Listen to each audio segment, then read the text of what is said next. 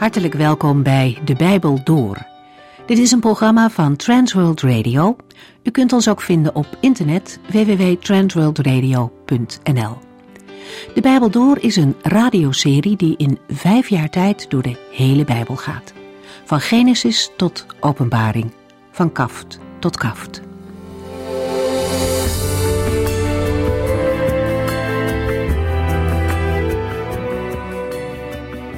We lezen in de laatste hoofdstukken van Jesaja.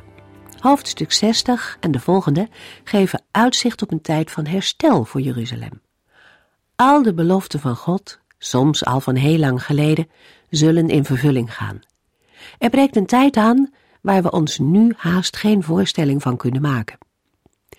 Israël zal een plaats zijn waar de volken naartoe trekken om de Here te dienen.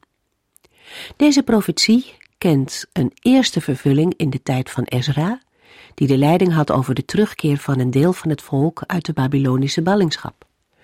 Maar de volledige vervulling zal in de toekomst plaatsvinden. We hebben de vorige keer al gezegd dat dit hoofdstuk niet vervuld is met de komst van de christelijke kerk. Zo trok de christelijke kerk vanuit Jeruzalem de wereld in. Hier wordt gesproken over een tijd dat de volken optrekken om de Heerde in Jeruzalem te dienen. Jezaja geeft hier heilsbeloften van God voor het volk Israël door en die zullen ook voor dit volk in vervulling gaan. Zonen en dochters uit verre landen keren terug naar het beloofde land. En velen uit de volken zullen komen om te helpen bij de opbouw. Zoals de Heere vreemde volken gebruikte om zijn volk tot inkeer te brengen, zo zullen de vreemdelingen op een dag hun hulp aanbieden aan Israël. Vanuit dit volk zal de heerlijkheid van de Heere God zichtbaar worden voor de hele wereld. Jeruzalem zal het centrum van de wereld worden tot een zegen van de volken.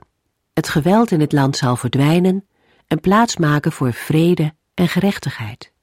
De Heere zelf zal het uitvoeren als het tijd is. Met haast, voegen verschillende Bijbelvertalingen eraan toe. Er wordt in de Bijbel niet zo vaak gesproken over haast van God, maar juist hier, bij uitvoering van zijn grootste plannen in de eindtijd, maakt God er haast mee.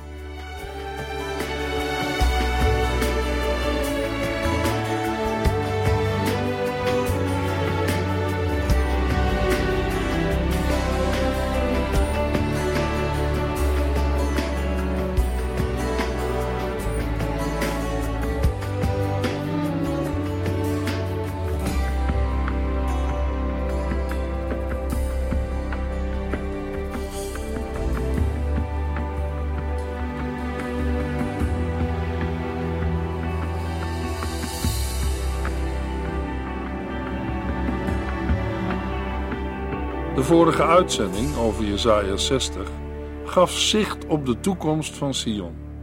Uiteindelijk zal Jeruzalem als stad van God worden hersteld. Dit herstel gaat veel verder dan de terugkeer van de Judeërs na de ballingschap en de herbouw van de stad in de tijd van Ezra en Nehemia. De glorie van de stad is groter dan deze ooit is geweest en weerspiegelt de glorie van de Heer zelf de heerlijkheid of glorie van God, komt in het Nieuwe Testament onder andere naar voren in Johannes 17. Christus openbaarde de heerlijkheid van de Vader en wil dat deze tot uiting komt in zijn volgelingen. De toekomst die in Jesaja 60 wordt beschreven, is eschatologisch. Dan zullen vrede, gerechtigheid, heil en lof aanwezig zijn, en zal de Heere hun eeuwige licht zijn. De terugkeer van Joden vanaf de 19e eeuw tot in onze tijd toe wordt door een deel van de Joden en christenen gezien als een voorlopige vervulling van een aantal aspecten uit Jesaja 60. Maar de relatie met de andere volken en de heerlijkheid en glorie van Sion zijn nog niet gerealiseerd. We gaan verder met Jesaja 61. Het hoofdstuk kan ingedeeld worden in drie passages, namelijk vers 1 tot en met 3 over de gezalfde en zijn bediening, vers 4 tot en met 9 over de zegening van Gods volk en vers 10 en 11 over gerechtigheid en lof voor al de volken. Jesaja 61 beschrijft de betekenis van de zending van de gezalfde, voor de gebrokenen van Sion en de volken. Nadat de bediening van de gezalfde is geïntroduceerd, volgen rijke beloften voor Sion en de volken. Jesaja 61 vers 1 tot en met 3 De geest van God de Heere rust op mij, omdat de Heere mij heeft gezalfd tot brenger van goed nieuws aan mensen die lijden en worden onderdrukt. Hij heeft mij gestuurd om mensen met gebroken harten te troosten, voor gevangenen vrijlating uit te roepen en hen die opgesloten zitten te bevrijden. Hij heeft mij gestuurd om aan mensen in de rouw te vertellen dat de tijd van Gods genade voor hen is gekomen, maar ook de dag van zijn toorn tegen hun vijanden. Aan alle die in Israël rouwen, geeft hij schoonheid in plaats van as, vreugde in plaats van rouw, lof in plaats van neerslachtigheid. Want God heeft hen geplant als sterke en rechtvaardige eiken ter wille van zijn eigen glorie. De eerste versen roepen direct de vraag op wie er in deze versen aan het woord is. Veel uitleggers denken aan de profeet Jesaja, omdat er een profetische boodschap volgt. Maar dat is niet aannemelijk, want Jesaja 61 beschrijft een eschatologische toekomst met wereldwijde perspectieven. De gezalfde kondigt niet alleen iets aan, maar zal het aangekondigde ook realiseren. Er zijn opvallende overeenkomsten met de knecht van de Heere in Jesaja 42 tot en met 53. In Jesaja 42 vers 1 en 48 vers 16 is ook sprake van de geest van God op de knecht. Hoewel de nadruk bij de knecht van de Heere meer ligt op zijn werk en bij de gezalfde in Jesaja 61 meer op de verkondiging, zijn er allerlei overeenkomsten. Op grond van deze overeenkomsten kiezen wij voor de uitleg dat de gezalfde de toekomstige Messias is. Het Hebreeuwse woord Messias betekent ook letterlijk gezalfde en is afgeleid van een werkwoord dat in Jesaja 61 vers 1 voor zalven wordt gebruikt. Het is van belang om te beseffen dat het door sommige uitleggers gemaakte onderscheid tussen Deutero en Trito Jesaja heeft bijgedragen aan de loskoppeling van de knecht en de gezalfde. De knecht hoort bij Jesaja 40 tot en met 55, wat door uitleggers wordt gezien als Deutero Jesaja, en de gezalfde bij Jesaja 56 tot en met 66, wat door uitleggers wordt aangeduid als Trito Jesaja. Wij gaan uit van de eenheid van het Bijbelboek Jesaja en onderscheiden wel drie hoofddelen, maar niet van drie verschillende schrijvers of schrijversgroepen. Met andere uitleggers zijn wij op goede gronden van mening dat in Jesaja 61 de Messias spreekt. Onder andere vanwege de samenhang in Jesaja en ook omdat er veel uitspraken over Sion in de omringende hoofdstukken staan. Een standpunt dat overeenkomt met de klassieke interpretatie in Joodse en christelijke kring. Bij archeologisch onderzoek is bij Qumran een messiaanse apocalyps gevonden waarin Jesaja 61 wordt verbonden met het eeuwige koningschap van de gezalfde. Verder zijn er ook parallellen met de beschrijving van de nakomelingen uit het huis van David in Jesaja 11. In Jesaja 11 vers 2 wordt gesproken over de geest van de Heere op deze messiaanse persoon en nakomeling uit het koningshuis van David. Voor christenen is een belangrijk punt dat de Heer Jezus Jesaja 61 vers 1 tot en met 3 op zichzelf betrekt in Lucas 4 en dat in Johannes 1 vers 32 staat dat de geest op Jezus neerdaalde en bleef. Hij is de gezalfde op wie de Heilige Geest rust. De Geest van God, de Heere rust op mij, omdat de Heere mij heeft gezalfd tot brenger van goed nieuws. Jesaja 61 opent met de introductie van een persoon die zelf aan het woord is en zegt dat hij door de Heer is gezalfd. Hierdoor rust de geest van God de Heer op hem, om speciale taken te volbrengen. De dubbele aanduiding is kenmerkend voor het derde gedicht van de knecht van de Heer in Jesaja 50. In het Bijbelboek Jesaja komt het rusten van de geest van de Heere op iemand meermalen voor. Het heeft telkens met een bijzondere toerusting in de vorm van wijsheid, macht en autoriteit te maken. In het Oude Testament is er een verband tussen zalving en het ontvangen van de geest bij de instelling van het koningschap. Verder werden zowel koningen als priesters gezalfd. In Jesaja 61 lijkt mogelijk een profetische zalving en toerusting bedoeld te zijn. Maar de genoemde taak omvatten meer dan die van een profeet. Daarbij gaat het in Jesaja 61 niet om een letterlijke zalving met olie, maar om een figuurlijke zalving voor een bepaalde taak, zoals die van Cyrus in Jesaja 45.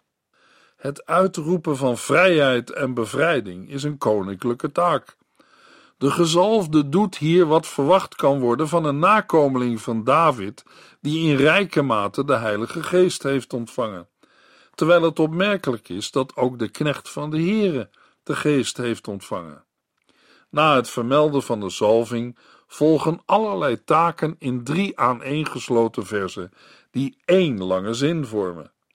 De gezalfde heeft tot taak het brengen van goed nieuws aan de armen, het helen van mensen met gebroken harten en het aankondigen van vrijlating voor gevangenen en bevrijding voor gebondenen. Er staat dat de gezalfde gezonde is en zijn werk niet uit eigen initiatief doet. Het brengen van een goede boodschap werd al eerder genoemd in Jesaja. De gezalfde neemt het op voor mensen die in een ellendige situatie leven en weinig mogelijkheden hebben daar iets aan te veranderen. Het goede nieuws wordt verduidelijkt met de aankondiging van vrijlating van gevangenen en bevrijding van gebondenen. Vreugdevolle gebeurtenissen die eerder als het werk van de knecht zijn genoemd. Het zijn ook woorden die het sabbat en jubeljaar in herinnering roepen.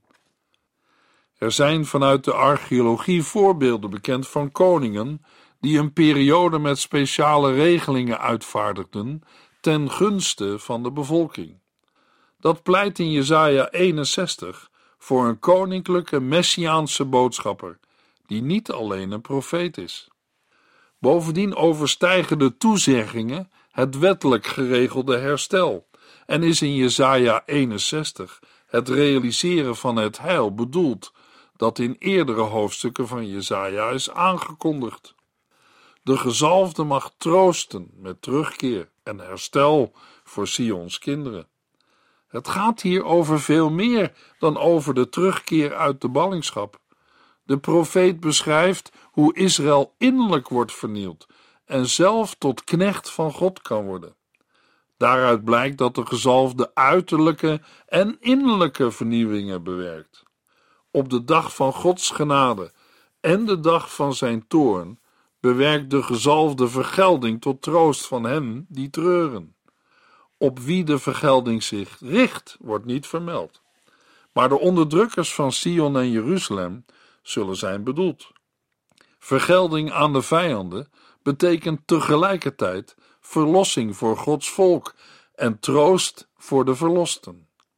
De treurenden van Sion zullen een hoofdsieraad of schoonheid in plaats van as krijgen, vreugde of vreugdeolie in plaats van rouw, en lof of een lofgewaad in plaats van neerslachtigheid of verslagenheid, zodat ze eikenbomen van rechtvaardigheid genoemd zullen worden om hem te verheerlijken. De Heere zorgt voor een kentering in hun situatie. Rouw wordt veranderd in vreugde. In Jesaja 1 vers 30 werd Israël nog een eikenboom of boom genoemd die zijn bladeren verliest, als gevolg van de zonde. Na dit herstel zullen ze door de volken worden gezien als sterke bomen van gerechtigheid, die door de Heere zijn geplant. Jesaja 61 vers 4 tot en met 9. Zij zullen de oude ruïnes herbouwen, steden restaureren, die lang geleden werden verwoest en deze opnieuw tot leven brengen, ook al hebben zij vele generaties lang in puin gelegen. Buitenlanders zullen uw dienaars zijn. Zij zullen uw kudden voederen, uw land ploegen en uw wijngaarden verzorgen.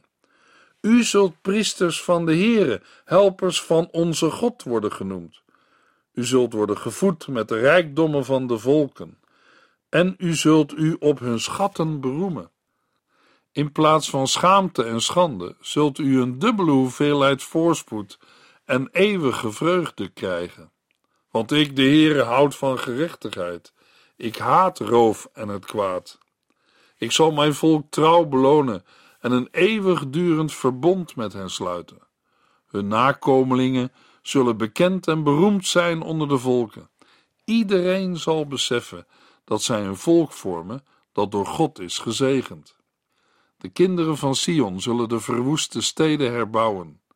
De verwoesting betreft niet alleen de verwoestingen van Nebukadnezar, want lang geleden duidt op een langere periode. De herbouw hangt samen met een periode van heil en geestelijke vernieuwing, zoals kort na de ballingschap nog niet is gerealiseerd.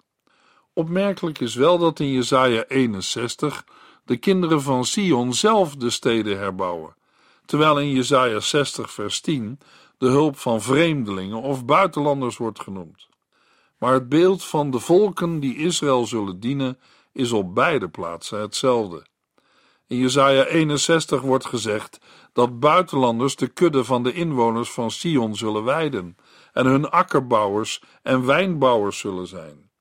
De kinderen van Sion zullen priesters van de Heere en helpers van God zijn. Zo zullen zij uiteindelijk toch beantwoorden aan de roeping die de Heere het volk bij de verbondsluiting heeft gegeven, namelijk dat Israël een koninkrijk van priesters zal zijn. De dienst van de priesters bestond ook uit het onderwijs geven aan het volk. En dat past hier goed. Dit dienen kunnen we ook vergelijken met dat van Israël als knecht en licht voor de volken. Het nageslacht van Sion zal bekend worden te midden van de volken. Iedereen zal weten dat het een bijzonder volk is, door de Heere gezegend. Het volk waarmee de Heer een verbond heeft gesloten en waaraan hij altijd trouw zal blijven. Zo komen de volken tot de erkenning dat alleen de Heere God is. Jesaja 61 vers 10 en 11 Laat mij u vertellen hoe gelukkig God mij heeft gemaakt. Want hij heeft mij gekleed in gewaden van heil en een mantel van gerechtigheid over mijn schouder gelegd. Ik lijk wel een bruidegom in zijn trouwpak of een bruid met haar sieraden. God de Heere zal de volken van de wereld zijn gerechtigheid laten zien. Allen zullen hem loven.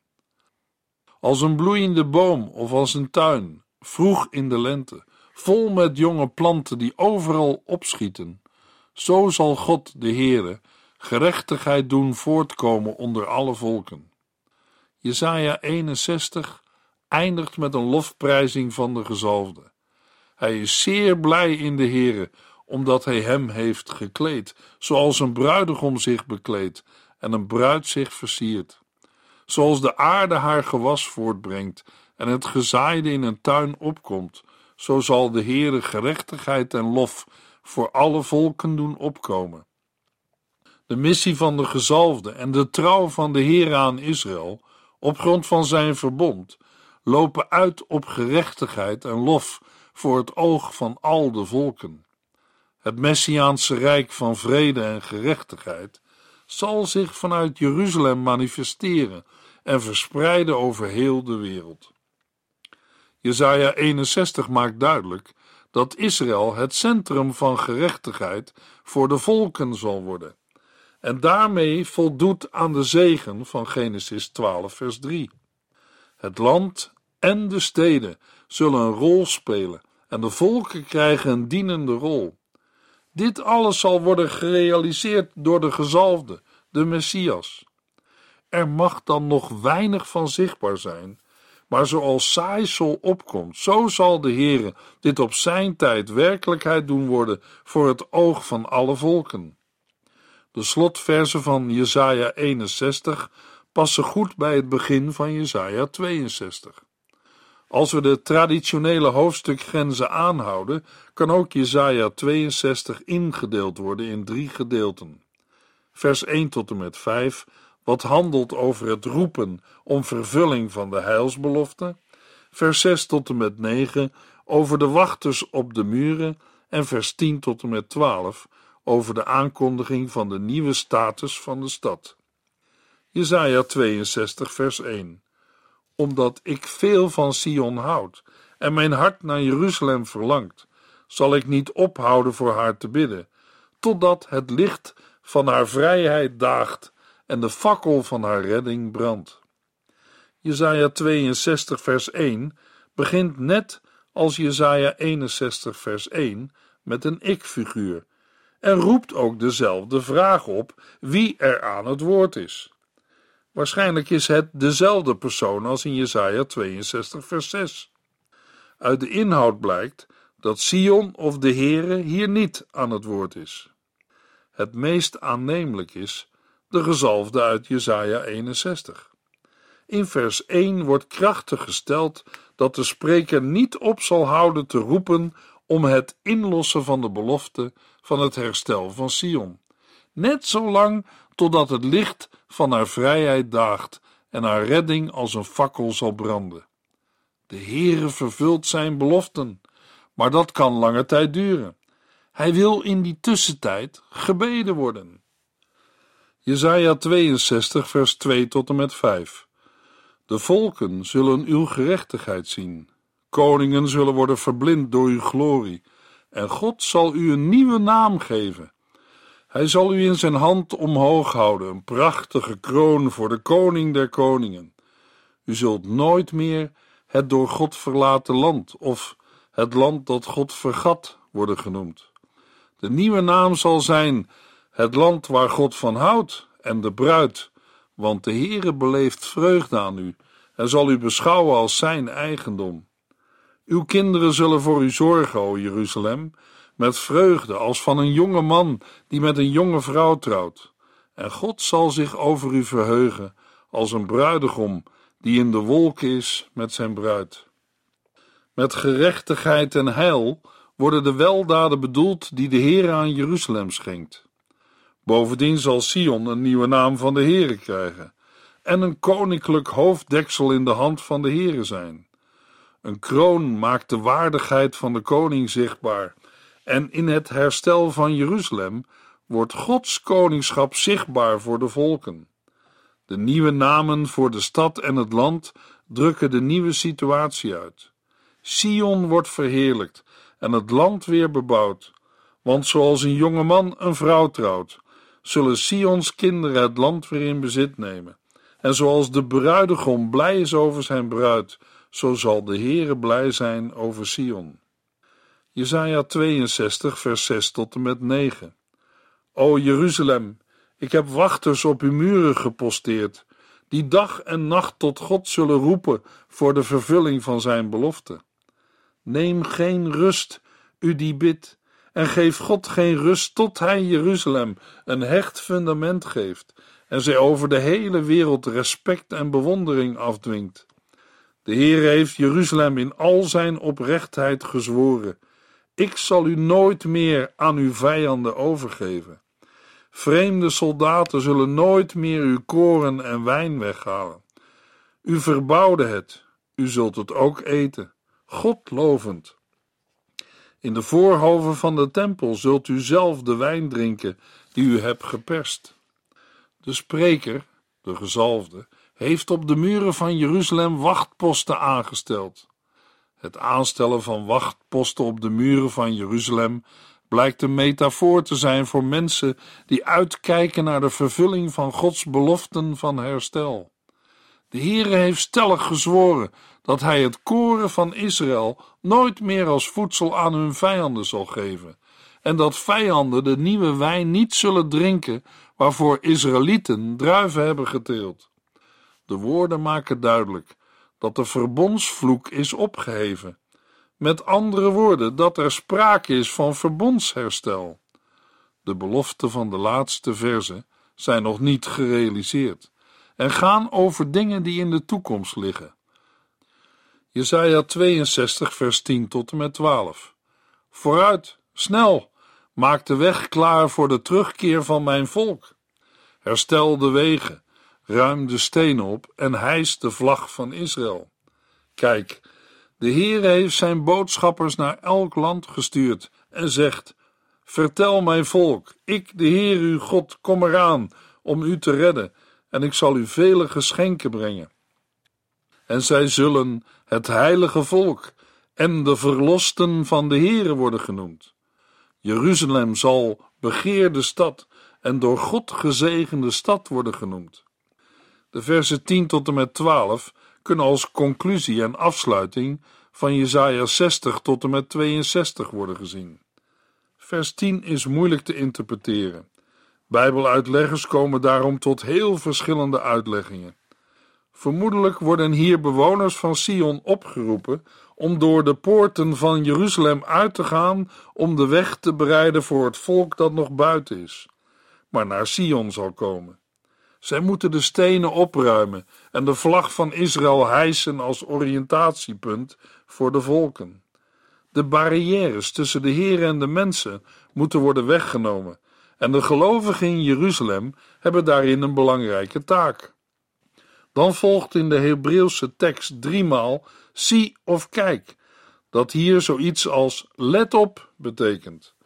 De Heere heeft ervoor gezorgd dat overal tegen zijn volk zal worden gezegd: Ik kom eraan om u te redden en u vele geschenken brengen. In het licht van Jesaja 40 vers 10b en Jesaja 60 vers 1 betekent het dat de Heere zijn koninkrijk vestigt.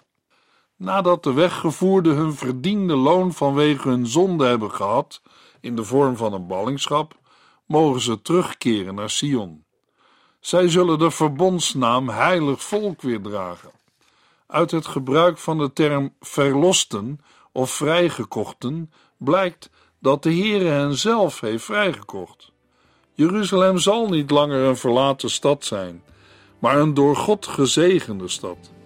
Daarbij gaat het in Jesaja 62 om de bewoning van de stad door het volk van de Heere. De nieuwe namen voor het volk en de stad vormen een compacte samenvatting van de beloften van Jesaja 60 tot en met 66. In de volgende uitzending lezen we Jesaja 63.